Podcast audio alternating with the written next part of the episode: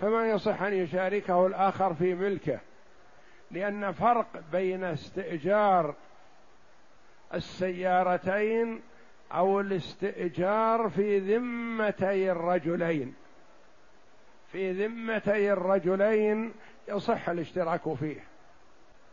وينقلانه في أي وسيلة؟ في الاستئجار في سيارتين محدودتين. هذا ما يصح الاشتراك فيه لأن كل واحد له ملكه وله أجرة سيارته. والدليل على أن الاستئجار للعين عين السيارة لا في ذمة الرجل لأنها لو تلفت السيارة مثلا انفسخت الإجارة. لأن الإجارة متفق مع صاحب العمل على نقل هذه السيارة لهذا الشيء. فتلفت السيارة انفسخ العمل. مثل لو استأجر دارا معينة على سكناها فتلفت الدار ما يقال يلزم صاحب الدار أن يسكنه في دار أخرى. أنت استأجرت هذه الدار وانهدمت فانفسخت الأجرة. ولا يصح أن يكون كل واحد منهما وكيل صاحبه في إجارة دابة نفسه. لأن كل واحد يؤجر دابته بعينها أو سيارته بعينها فليس وكيلا عن صاحبه في تأجير سيارته وإنما هو يوكل يؤجر سيارته بنفسه. ولهذا لو قال أجر دابتك وأجرها بيني وبينك لم يصح. لو قال مثلا نشترك أنا وياك أجر دابتك أجر سيارتك والأجرة بيننا هل يصح هذا؟ لا لأن الآخر ما أتى بشيء. نعم. فإن أعان أحدهما صاحبه في التحميل فله أجرة مثله لأنها منافع وفاها بشبهة عقد. لو ظن أن هذا العقد صحيح ثم إن أحدهما بدأ يحمل مع الآخر ويساعده على أساس أنهم مشتركين ثم تبين أن هذا العقد غير صحيح فله أجرة تحميله فقط وليس له مناصفة في الأجرة ولا ثلث الأجرة ولا غير هذا وإنما له أجرة عمله لأنه عمل بشبه عقد وتبين أن هذا العقد غير صحيح فله أجرة مثله. وكل عقد لم يصح وله شبهة فللعامل أجرة مثله. وعلى المنتفع أن يدفع أجرة مثل هذا الشيء لأن العقد غير صحيح. فالعقود غير الصحيحة للعامل فيها مقابل تعبه. وعلى المنتفع مقابل انتفاعه المعتاد. فمثلا لو استأجر دار بمائة ألف. ثم تبين أن هذا العقد غير صحيح وقد سكنها ستة أشهر نصف السنة والسنة الاتفاق على مائة ألف. ما نقول يلزمه خمسون؟ لا لأنه يلزمه أجرة المثل. إن كان الأصل في الأجارة ثمانين فلا يلزمه إلا أربعين إذا قال أهل الصنف. وإذا قال أهل الصنف مثل هذه العين تؤجر بمئة وخمسين فيلزمه خمسة وسبعون. لأن الاستئجار على مئة تبين أنه غير صحيح فيرجع فيه إلى أجرة المثل ما يحدده أهل الصنف وأهل الصنعة. فصل. فإن دفع دابته إلى رجل يعمل عليها أو عبده ليكتسب ويكون ما يحصل بينهما نصفين أو أثلاثا صح. نص عليه لأنها عين تنمى. لأنها عين تنمى بالعمل عليها فجاز العقد عليها ببعض نمائها كالشجر في المساقات. فإن دفع دابته واحد معه سيارة. لكن ما يستطيع أن يعمل. والآخر يستطيع العمل وليس عنده سيارة. فقال صاحب السيارة للعامل أسلمك السيارة تعمل عليها. وما يقسم الله من أجرة لي ثلثان ولك ثلث. لي ثلاثة أرباع ولك ربع. لي نصف ولك نصف. لي ثلث ولك ثلثان حسب المجهود والعمل. فاتفق على هذا صح. لما؟ لأن هذه العين التي هي السيارة تنمى يعني يكون منها ناتج نتيجة العمل بسبب عمل العامل فيصح الشراكة فيها. أو دفع مثلا عبده رقيق قال هذا شغله وما يقسم الله من أجرة لي ولك ونحو ذلك. قياسا على دفع الشجر بشيء بجزء مما ينتج منه. دفع الشجر لمن يسقيه بجزء من ناتجه. فالمزارعة والمساقات واردة في الشريعة الإسلامية مثلا. هذا الرجل عنده نخل وعنده أشجار فواكه لكنه ما يستطيع العمل فيها. والآخر يستطيع العمل لكن لا يملك شيء. فقال صاحب الشجر للعامل هذا أسلمك البستان هذا تعمل فيه وما يقسم الله من ثمرة تكون بيني وبينك. تسقيه وتخدمه وتعمل فيه صح هذا لأن هذه المساقات والنبي صلى الله عليه وسلم عامل أهل خيبر على الشطر مما يخرج منها. ونقل عنه أبو داود في من يعطى فرسه على نصف الغنيمة أرجو ألا يكون به بأس. ووجهه كالشجر في المساقات ونقل عنه أبو داود عن الإمام أحمد رحمه الله في من يعطي فرسه على نصف الغنيمة. يقول أعطيك فرسي تخرج عليه للقتال. وما قسم الله من غنيمة يكون لك نصف ولي نصف مقابل الفرس. أو لك ثلث ولي ثلثان.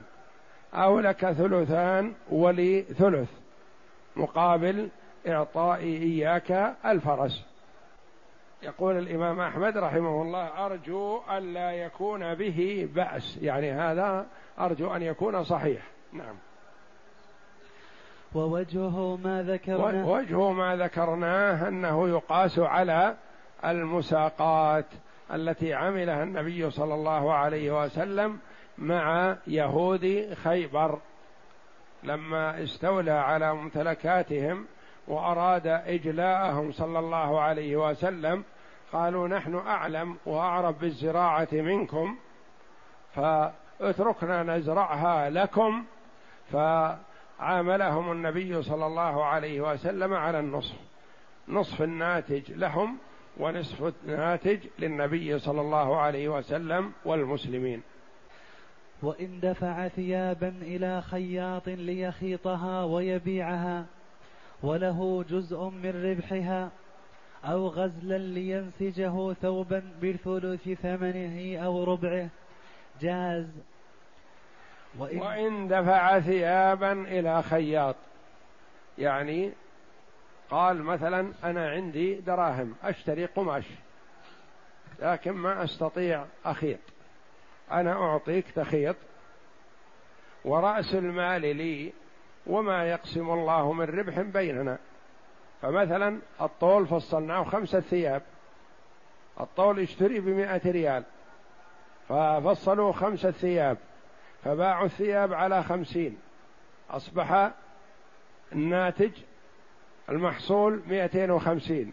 يخصم منها مئة قيمة القماش والباقي مئة وخمسين حسب ما اتفقا عليه الخياط وصاحب القماش. يصح هذا. ولا يعطيه إجرة وإنما يقول له ما يقسم الله من ربح. والربح يكون بعد خصم رأس المال. فبيعت هذه الثياب مثلا بمئتين وخمسين يأخذ صاحب الثياب المئة رأس ماله وما زاد عن ذلك مئة وخمسين يكون بينهما حسب ما اتفقا عليه. يجوز أن يقول مثلا صاحب القماش للخياط لك نصف الربح لك ربع الربح لك ثلث الربح وهكذا. وكذلك نعم أو غزلا. وإن جعل وإن جعل معه دراهم لم أو غزلا لينسجه. يقول هذا مثلا غزل أريد أن تنسجه فنايل أو شراب أو أي نوع من أنواع أو سجاد أو نحو ذلك. وما يقسم الله من ربح يكون بيننا صح وهذا نوع من أنواع المشاركة. فيخصم منه قيمة الغزل أو قيمة القماش أو قيمة الصوف أو قيمة الحرير أو قيمة القطن. وما زاد عن هذا يكون حسب ما اتفقا عليه. وإن جعل معه دراهم لم يجز. وإن جعل معه دراهم لم يجز. قال أنت شريك في الربح بكذا ولك أجرة كذا. هذا ما يصح. لأنه مثل ما لو أعطاه على المساقات مبلغ مع ما له من جزء من الناتج. فلا يصح الجمع بين الاثنين. إذا أعطاه أجرة صح قال خذ هذا القماش وخطه وكل ثوب تخيطه بعشرة ريالات بعشرين ريال بخمسين ريال صح لأن هذا أجرة وليس بشراكة. لكن إذا كان في شراكة فلا يصح الجمع بين الشركة والأجرة. نعم. وعنه الجواز؟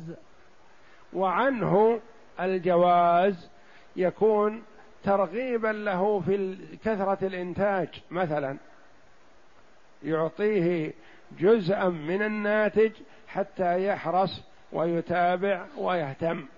وليس في هذا غرر ولا جهالة. نعم. والأول المذهب.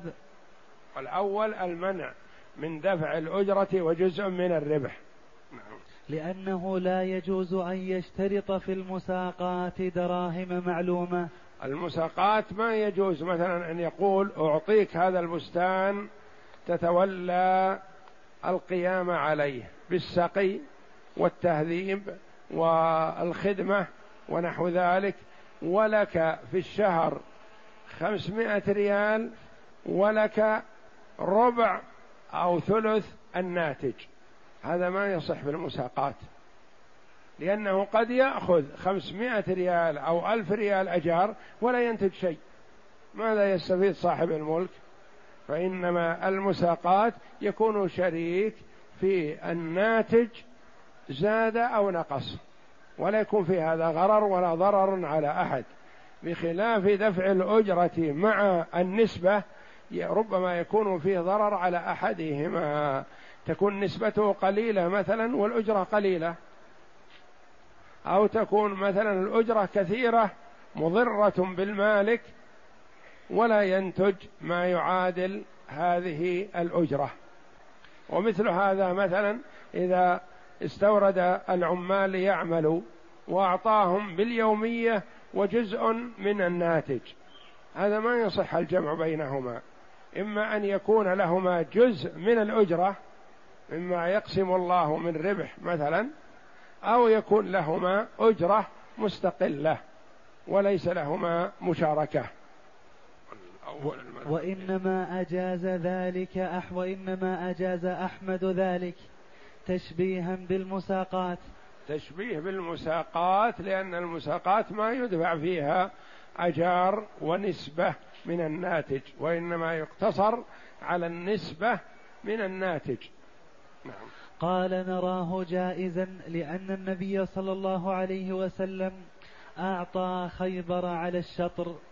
الإمام أحمد رحمه الله مشهور بالحرص بالأخذ بالسنة والتقيد بما ورد عن النبي صلى الله عليه وسلم. فقاس هذه الأعمال التي أجازها على معاملة النبي صلى الله عليه وسلم مع يهود خيبر على الشطر مما يخرج منها. ولم يعطهم النبي صلى الله عليه وسلم أجرة وإنما أعطاهم نسبة من الناتج لأن العطاء نسبة من الناتج يكون فيه إنصاف للطرفين لأنه ربما تكثر الغلة ويكون نصيبه من الغلة قليل جدا والأجرة غير كافية وربما تكون الأجرة مغنية فما يحرص العامل على الغلة لأن ليس له منها إلا يسير فما يحرص عليها. ولا يحرص على الإنتاج يقول أجرتي كافية وتكفيني وأنام ويترك الإنتاج. فإذا كان نصيبه في الغلة حرص واجتهد. وزادت الغلة يأخذ نتاج عمله. قلت الغلة يأخذ النقص الذي بسبب تقصيره وإهماله. والله أعلم وصلى الله وسلم وبارك على عبد ورسول نبينا محمد وعلى آله وصحبه أجمعين.